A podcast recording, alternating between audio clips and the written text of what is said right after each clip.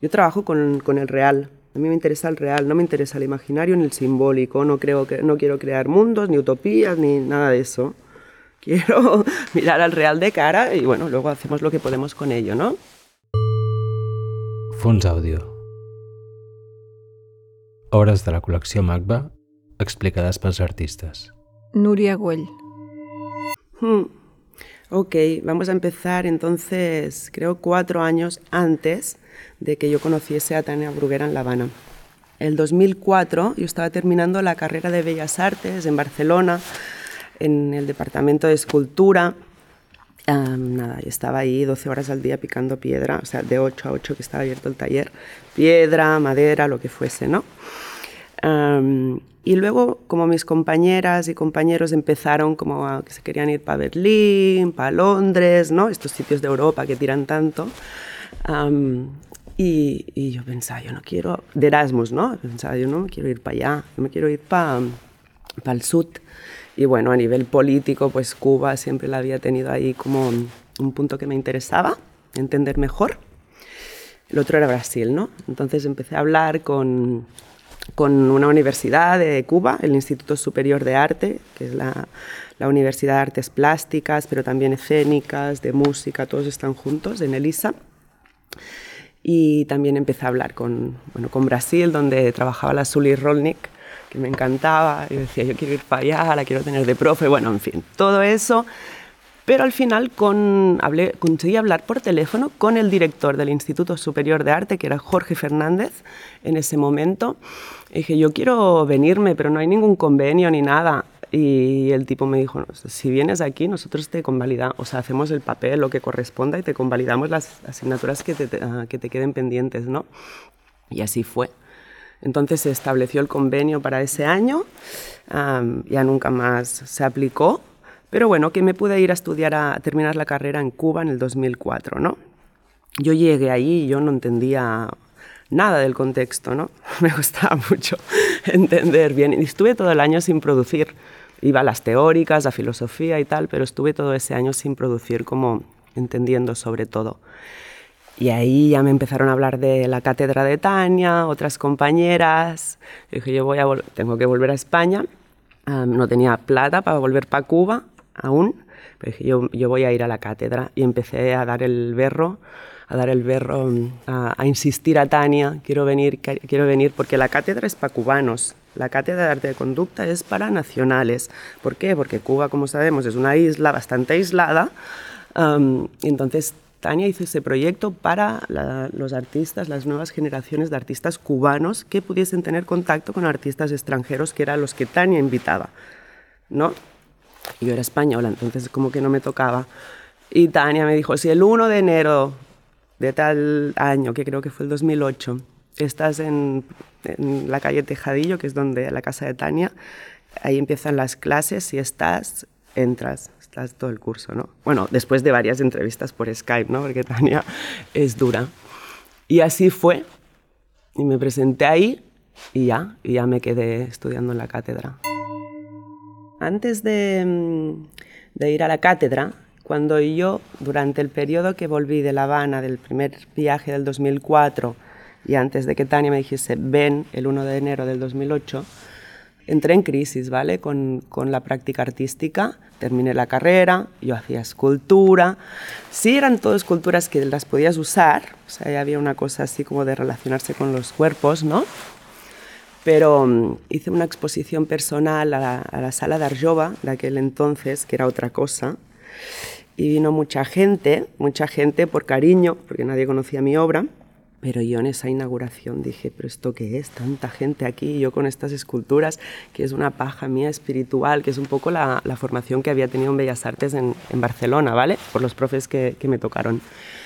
Una paja mía aquí espiritual que no tiene nada que ver con el otro y me sentí súper incómoda en esa inauguración, que era la primera creo que ahí lo que me pasó es como entender la responsabilidad de tener voz pública, ¿no? Ya sea ahora hablando aquí o en una conferencia o en una exposición, ¿no? Y aquello me, me craqueó la cabeza. Dije, no, no, no, no, yo, yo dejo de producir arte así. dejo el arte, ¿no? En principio pensé, dejo el arte. Y luego estuve unos meses sin producir también y luego dije, mira, yo voy a hacer lo que me dé la gana y me da igual si se llama arte o no y si no nos inventaremos otro nombre y ya. ¿Vale? Pero sí me interesaba el vínculo con el otro, porque me interesa mi vida íntima, política, menos en el arte es donde no lo aplicaba, ¿no? y entonces hice Caravana Natura, que era un proyecto que ponía una caravana encima de una montaña en mi pueblo y entonces ofrecía el servicio de cualquier persona, eso estuvo, estuvo activo durante los tres meses de verano, cualquier persona me podía escribir y contratar los servicios de la caravana. Básicamente era que tal día llegaba a una estación de tren que yo le decía, lo iba a recoger, la única condición es que estuviese sola, ¿no? Lo dejaba en medio de la caravana y los cinco, seis, siete días que habíamos acordado lo iba a buscar. Y esa persona tenía un diario ahí, una cámara de hacer fotos, iba mm, dejando sus rastros, la persona que venía después dialogaba con eso. Bueno, pues yo creo que ese es el primer proyecto que ya había interés en escuchar al otro. Y fue antes de aterrizar a La Habana, a la cátedra. Cuando empecé a producir en Cuba, lo que hice fue acceso a lo denegado, ¿no? Y salía de un ejercicio que nos pusieron en la cátedra, que nos puso Tania, insisto en lo de Tania porque Tania la tuvimos un mes, ay no, perdona, una semana. En todo el año Tania solo nos daba clase la primera semana del curso y la última. Entre medio todo eran personas invitadas. Una semana una persona nacional, la otra semana un internacional, ¿no? Así se lo montó Tania. Bueno, pues el primer, la primera semana nos puso este ejercicio, como inventarnos un servicio que no existiera, ¿no? Entonces el servicio que yo me inventé fue acceso a lo denegado, que básicamente era que como yo no era nacional, y en Cuba los que no son nacionales desgraciadamente tienen más derechos que los nacionales, yo podía contratar servicio de Internet y los cubanos no. Entonces yo hacía, pues el cambio era ese, ¿no? Ofrecía acceso a la información, que era pasarles mis códigos de internet, a los cubanos que contrataban el servicio, pero a cambio ellos me tenían que dar diferente información de cómo se puede subsistir en el sistema cubano con la lógica interna, ¿no? Básicamente. Entonces tengo una pila de estrategias de, supervivencia en muchos sentidos, ¿no? Tanto como sobornar a los militares, como otras cosas más prácticas de cómo conseguir agua para lavar la ropa, ¿no? Y entonces fue un decálogo, no sé, hay como 300 inputs, ¿no? De gente cubana que, que me lo cambiaban por el acceso a lo denegado, que es el acceso a Internet.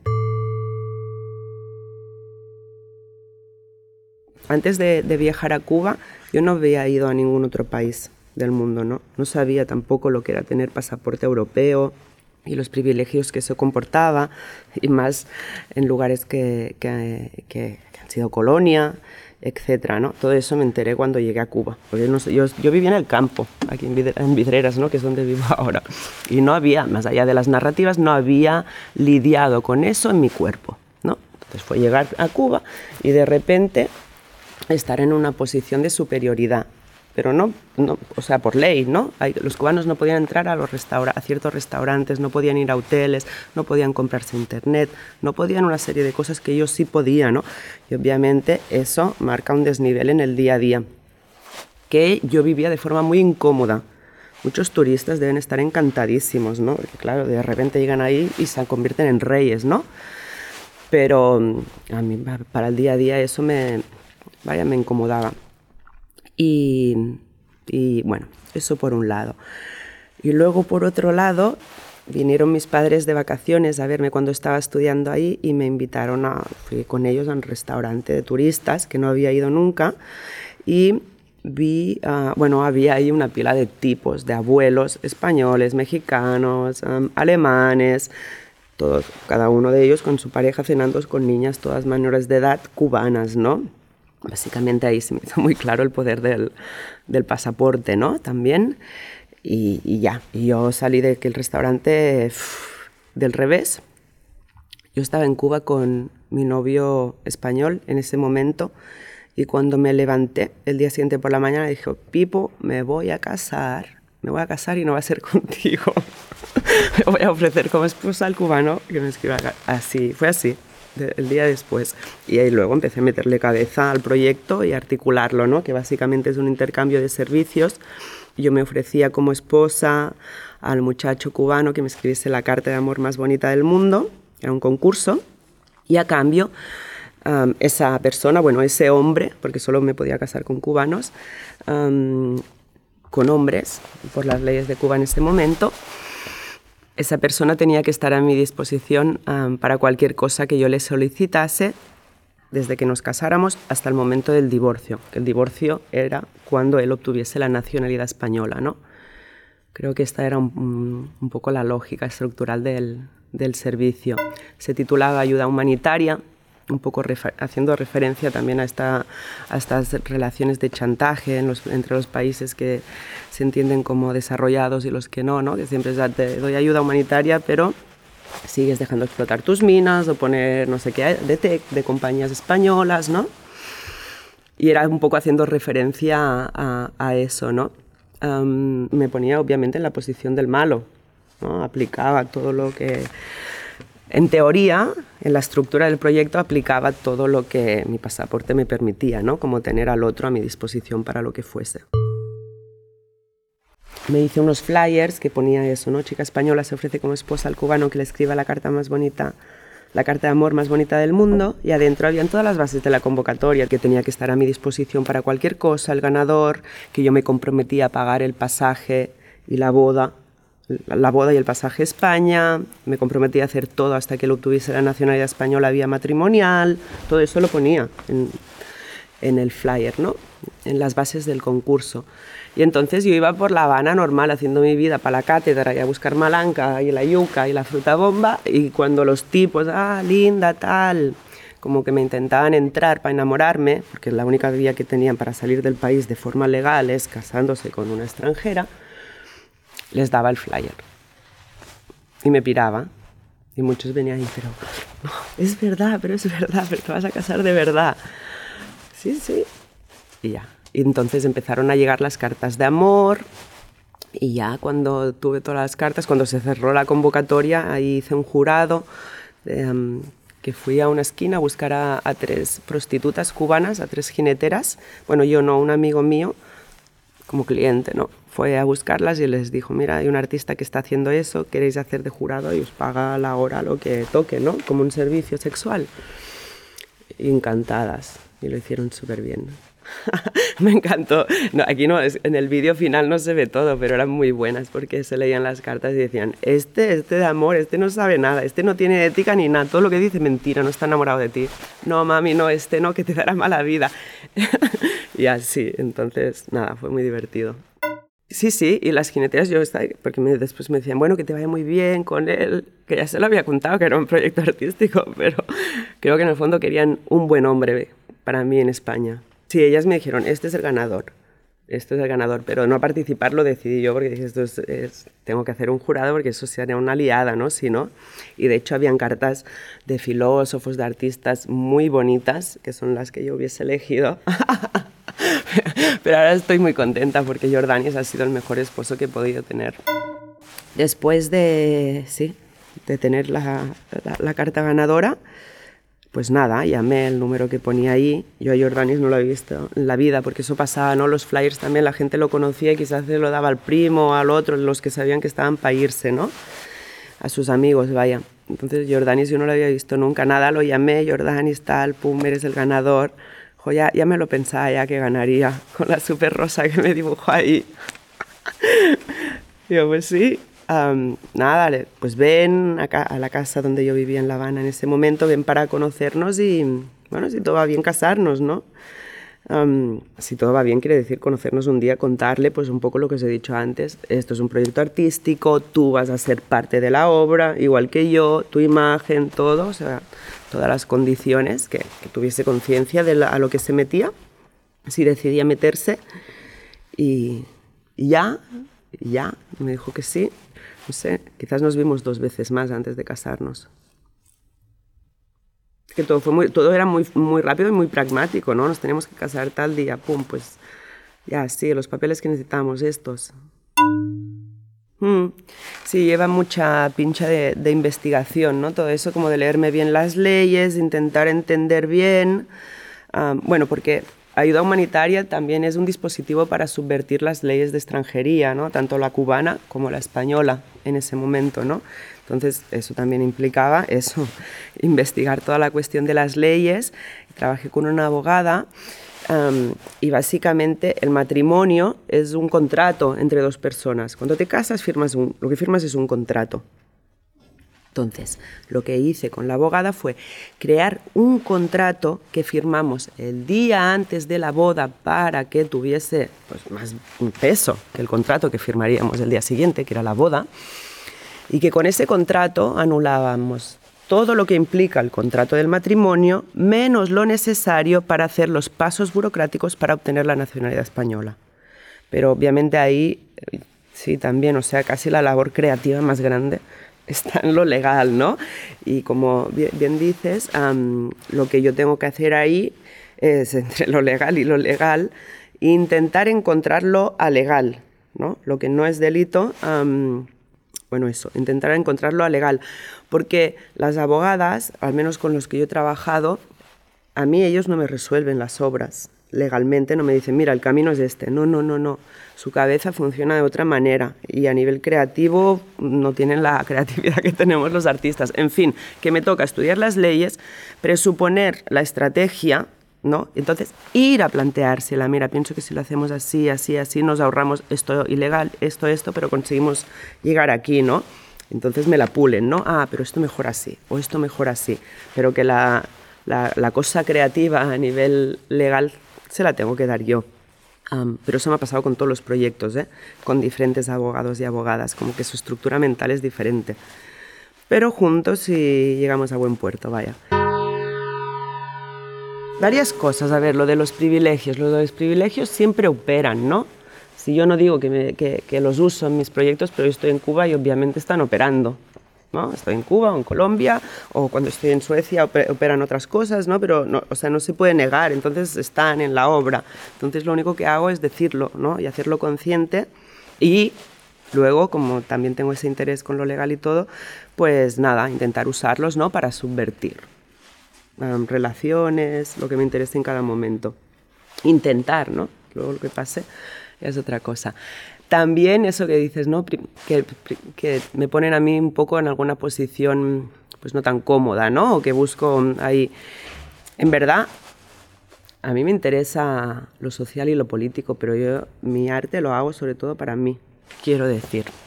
yo estoy enganchada a ponerme en, en situaciones de riesgo, en tensar los límites. Y eso lo tengo que hacer desde el mundo del arte, porque si lo hago desde fuera del mundo del arte, puede ser un problema legal, puede ser un problema de diferentes... Quiero decir que hay algo muy de mi manera de ser también que, que eso, ¿no? Que intento dar la vuelta a los privilegios, pero también como eso, empujar límites en todos los sentidos, ¿no? Y muchas veces eso me pone en crisis a mí misma, pero en el fondo me cuadra, porque es la única manera de transformarme a mí misma. Siempre digo que si un, si un proyecto ha salido bien, yo no soy la misma cuando termine el proyecto que cuando lo empecé. Si soy la misma, es que aunque el proyecto funcione, pero para mí, ¿no? yo honestamente sé que, no, que algo, algo, algo ha fallado ahí, ¿no? por mis intereses en, en la práctica artística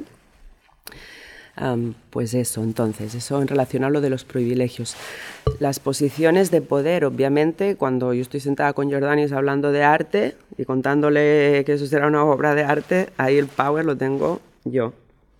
Porque él no, no entiende. Después de contarle todo, me dijo, bueno, pero ¿qué haremos? ¿Un dibujo? No sé qué. O algo así, ¿no? Sale, lo puse en el vídeo. Eso es lo que me cuadra también de los vídeos. Yo todos esos momentos que son de contradicción los pongo porque aquí no hay ni santa ni salvadora, ni estoy hablando de mí en los proyectos, no es para decir, ah, mira Nuria, qué buena es y qué bien lo hace, y no, no. Si Jordanis después de contarle todo me dice, bueno, ¿qué haremos? ¿Un dibujo? Pues yo lo pongo para que se vea claro que el otro eso no lo controla tanto. Y obviamente yo estoy ahí en una posición de poder y en una posición incómoda, pero real, pero real. Entonces, de cara y a mostrarlo en el vídeo.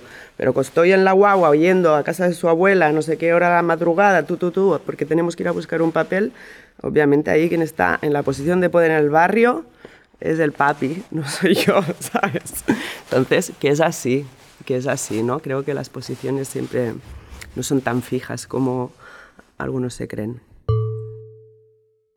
Yo cuando explico este proyecto por Europa, y empiezo a ver las caras en el público. A mí me encanta, a mí me gusta de verdad. ¿eh?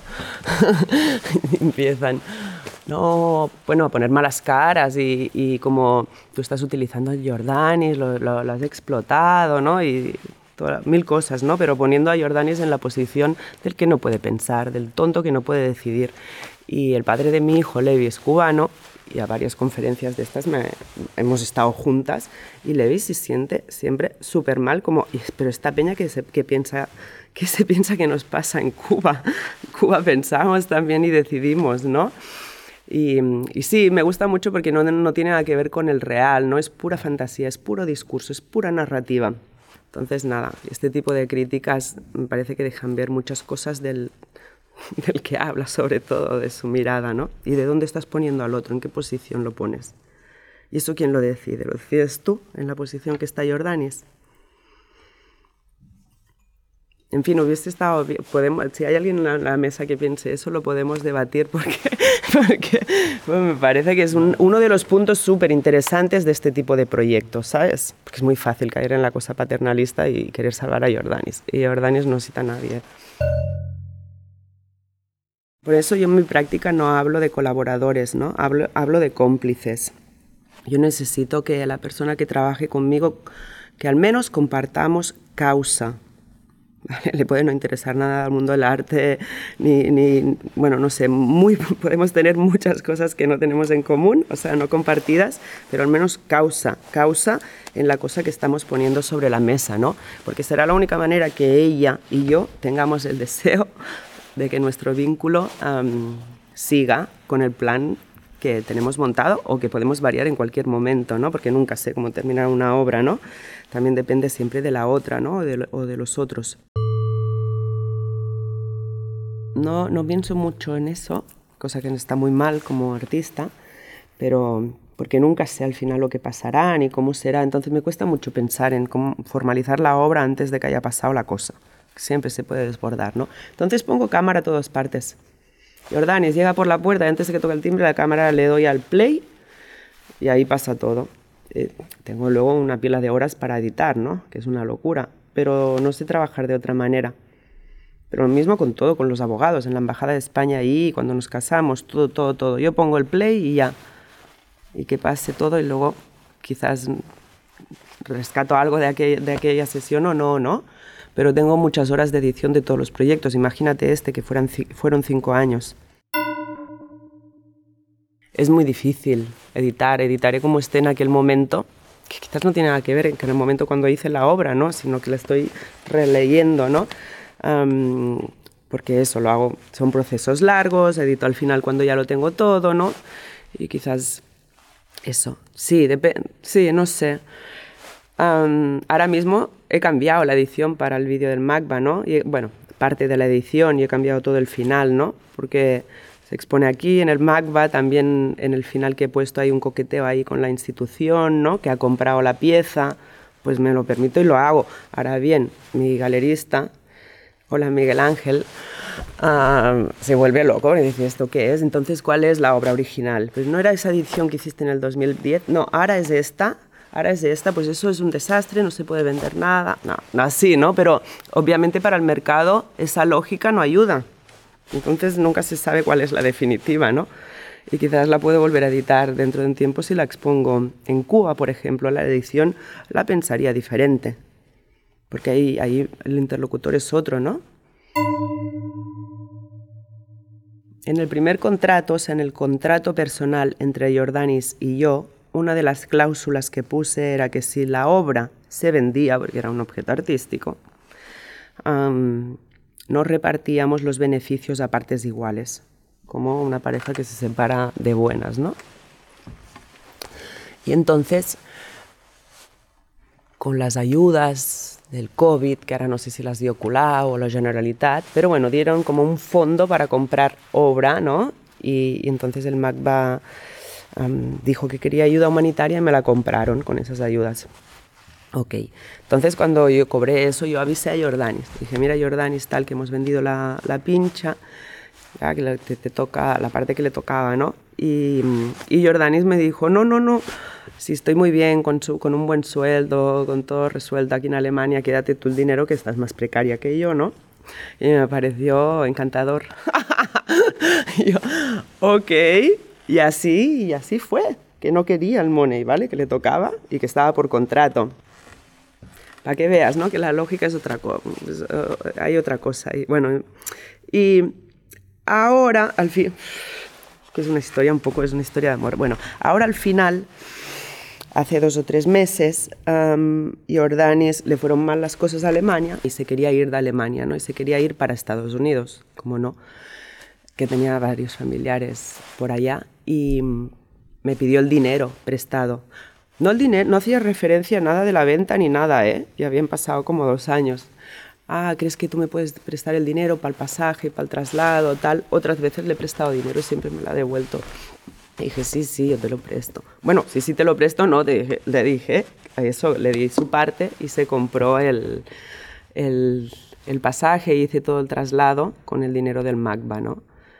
Entonces todo eso lo incluí en el, en el vídeo. O sea, básicamente está actualizado hasta el 2022.